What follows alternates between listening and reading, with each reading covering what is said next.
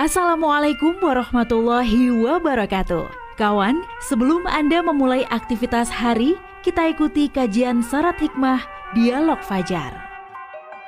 Assalamualaikum warahmatullahi wabarakatuh Kawan kita kembali di program Dialog Fajar Bersama saya Adit Yufriansah Dan pagi hari ini saya masih bersama Ustadz Toha dari Pondok Pesantren Al-Quran Nurul Falah Surabaya Assalamualaikum Ustadz Waalaikumsalam Mas Adit Alhamdulillah hmm. Ini uh, seger, senang terus, senyum hmm. terus hmm. Insya Allah nggak punya musuh ya kalau senyum terus tuh nggak punya musuh ya? Amin Lega rasanya Mas Adit Iya iya iya iya Kadang-kadang itu saya juga bertanya-tanya Apakah bisa uh, orang itu atau manusia itu hidup tanpa musuh? Iya ya. Benar, ini menjadi pertanyaan, mungkin bagi uh, pertanyaan juga bagi Anda. Anda coba koreksi diri sendiri ya. Apakah saya juga apakah saya punya musuh ya? Amin Tanyakan musuh. pada diri Anda sendiri. Baik, um, bagaimana caranya supaya kita tidak punya musuh? Karena kalau tidak punya musuh, insya Allah hidup berkah, menyenangkan, bahagia. amin, amin, amin. Kita langsung sambung dengan Ustaz Toha. Moga Ustaz. Baik, alhamdulillah rabbil alamin. Terus kita bersyukur kepada Allah Subhanahu wa taala Mas Adit. Ya. Karena pagi hari ini kita bisa berteman dengan kebahagiaan dan ketenangan karena kita sudah tidak memiliki musuh di dunia.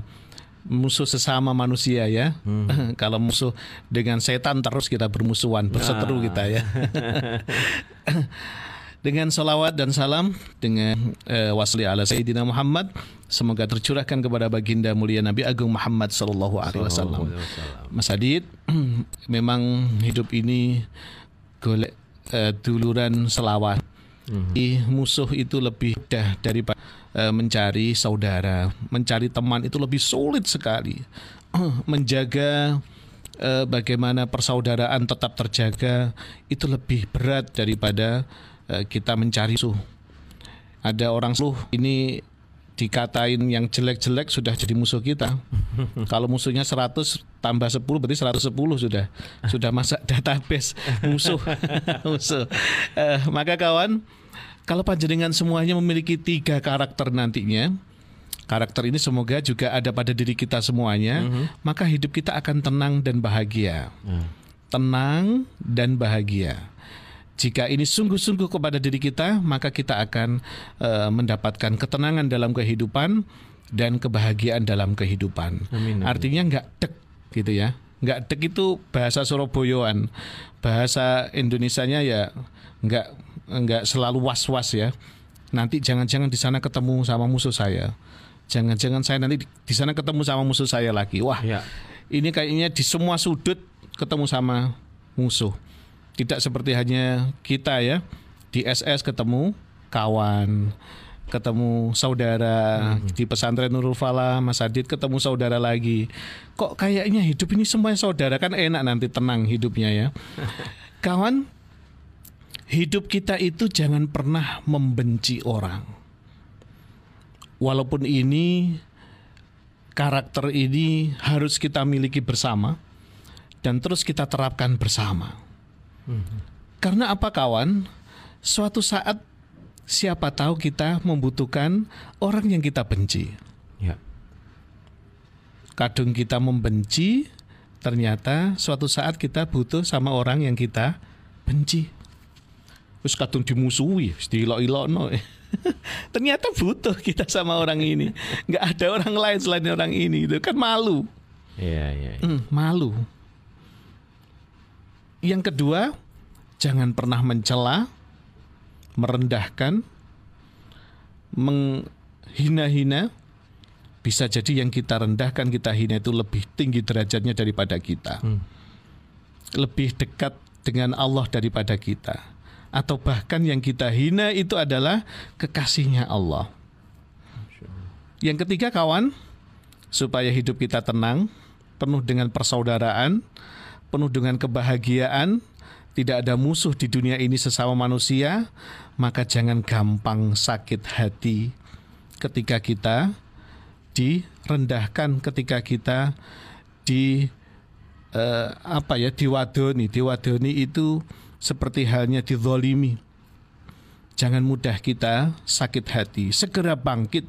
Siapa tahu kawan, dengan kita dizolimi itu, uh-huh. dengan kita difitnah itu, direndahkan itu, ternyata Allah punya rahasia lain mengangkat derajat kita. Yeah. Kawan, tiga hal yang saya sampaikan tadi menjadi core besar kita ya, menjadi diskusi kita. Kenapa sih kok jangan sampai kita membenci orang, hmm. menebar kebencian, jangan sampai kita menebar kebencian kepada siapa pun itu ya. kalau uh, saya pribadi kalau sedang benci sama orang segera istighfar. Hmm. Ya Allah, ya Allah. Itu tips-tips pribadi ya Mas Adit ya. ya ya membenci itu menebar kebencian diawali dari apa sebenarnya? Ya diawali dengan tidak suka dengan orang lain. Awalnya tidak suka dengan anggap saja dengan Mas Adit, saya nggak suka sama Mas Adit. Hmm. Karena Mas Adit itu saya iri dengan Mas Adit. Mas Adit itu liburnya seminggu, dua kali saya se se uh, seminggu satu kali. Saya sudah iri namanya. Mas Adit itu bisa uh, pergi waktu itu alhamdulillah ditakdirkan bisa ke Makkah Madinah karena hmm. waktu itu ada tugas dari ya, kantor. Ya. Saya belum pernah, saya iri. Atau yang lainnya, mungkin Mas Adit pernah menyakiti saya. Hmm. Ini contoh ya Mas Adit ya, ya, semoga tidak ya. Menyakiti saya pribadi, dulu saya pernah tersinggung benar-benar karena saya dikatakan seseorang yang tidak bertanggung jawab. Sudah dikasih amanah nggak bertanggung jawab. Saya sakit hati. Awalnya seperti itu. Awalnya seperti itu. Terus dikasih uh, sama teman-teman itu dikumpulkan atau lagi ngopi-ngopi hmm. dikasih bumbu-bumbu fitnah.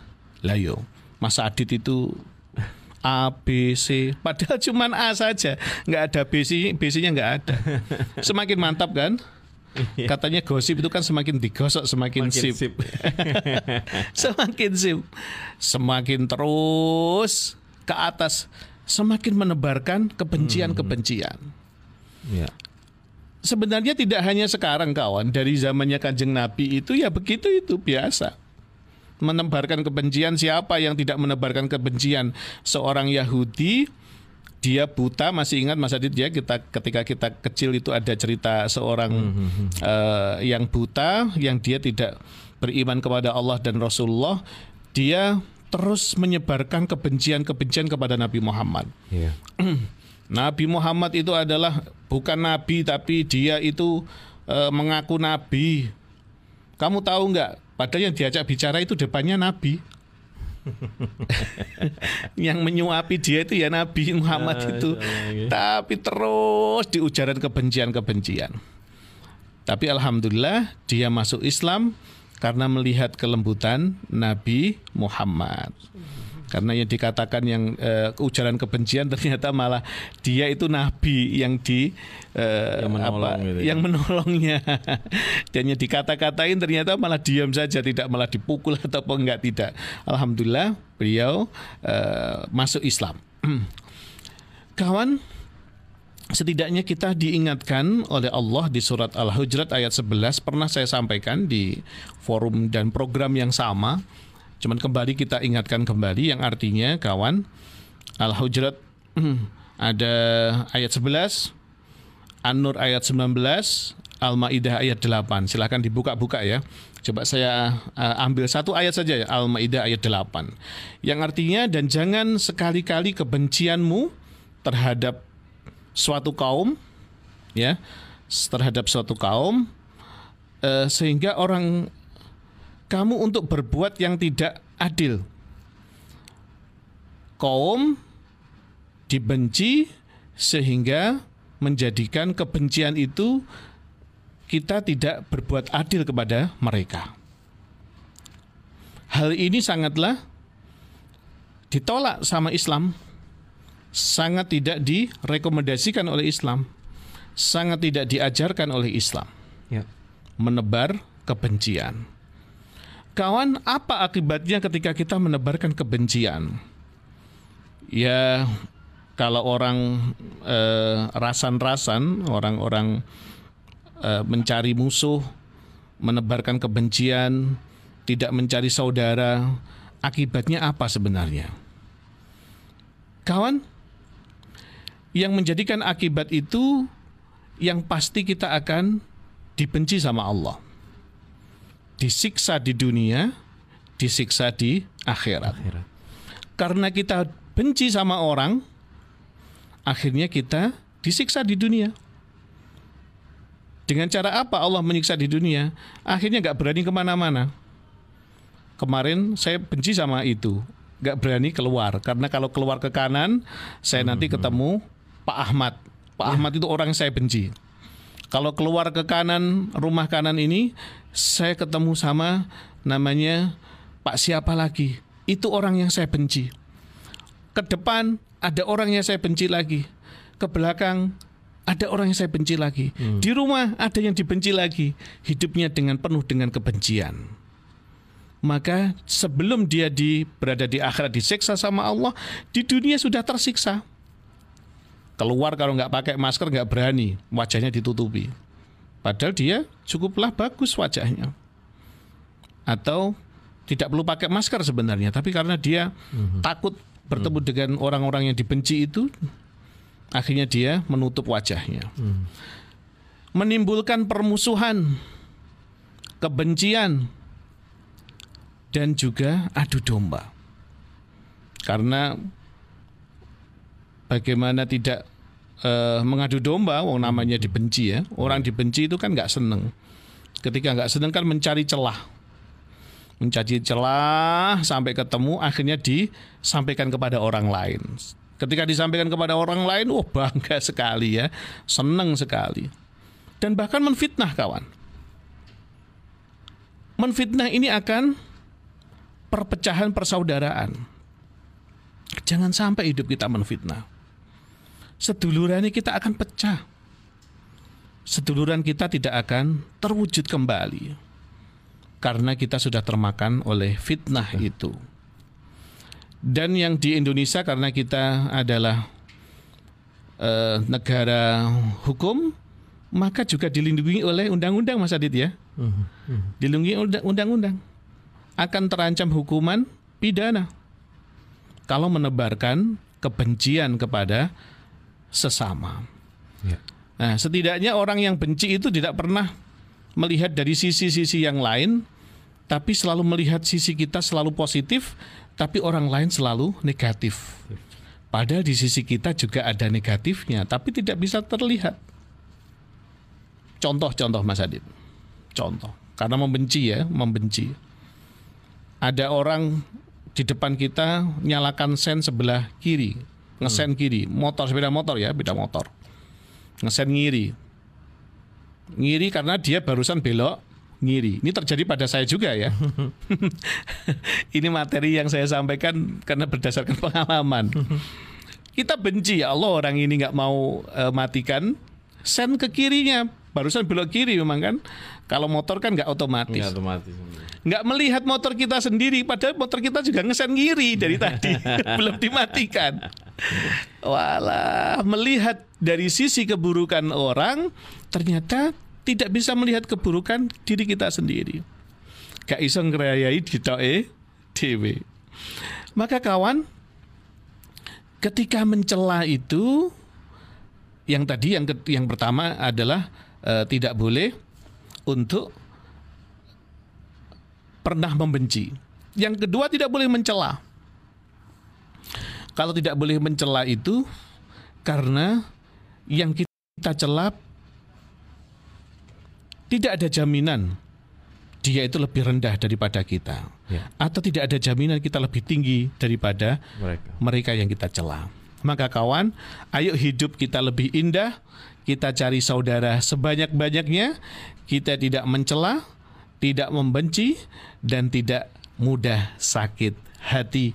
Semoga kita semuanya dikumpulkan dengan orang-orang solih di dunia dan nantinya di surganya Allah kelak kita juga dikumpulkan dengan orang-orang yang solih juga, orang-orang yang baik di dunia dan di akhirat kelak. Amin ya robbal alamin. Terima kasih waktunya Mas Adit. Mohon maaf atas keterbatasan waktu ini. Materinya masih panjang, namun harus kita eh, berikan materi ini di waktu-waktu yang akan mendatang. Terima kasih waktunya. Mohon maaf, Mas Adit. Terima kasih Ustaz Toha sudah uh, menyempatkan juga diri hadir di tengah-tengah kita di program Dialog Fajar pagi hari ini dan membagikan sesuatu yang bermanfaat untuk kita mengawali hari. Saya Adit Yufriansa kawan, mengakhiri program Dialog Fajar pagi hari ini. Wassalamualaikum warahmatullahi wabarakatuh. Waalaikumsalam warahmatullahi wabarakatuh. Program Dialog Fajar yang baru Anda simak kerjasama Suara Surabaya dan Pesantren Al-Quran Nurul Falah Surabaya, lembaga dakwah yang amanah, profesional, dan berbasis Al-Quran. Pesantren Nurul Falah mencetak guru-guru Al-Quran dengan metode tilawati dan tafidz Al-Quran. Informasi dan pemberian donasi hubungi 031 828 1278 atau nurulfalah.org. Wassalamualaikum warahmatullahi wabarakatuh.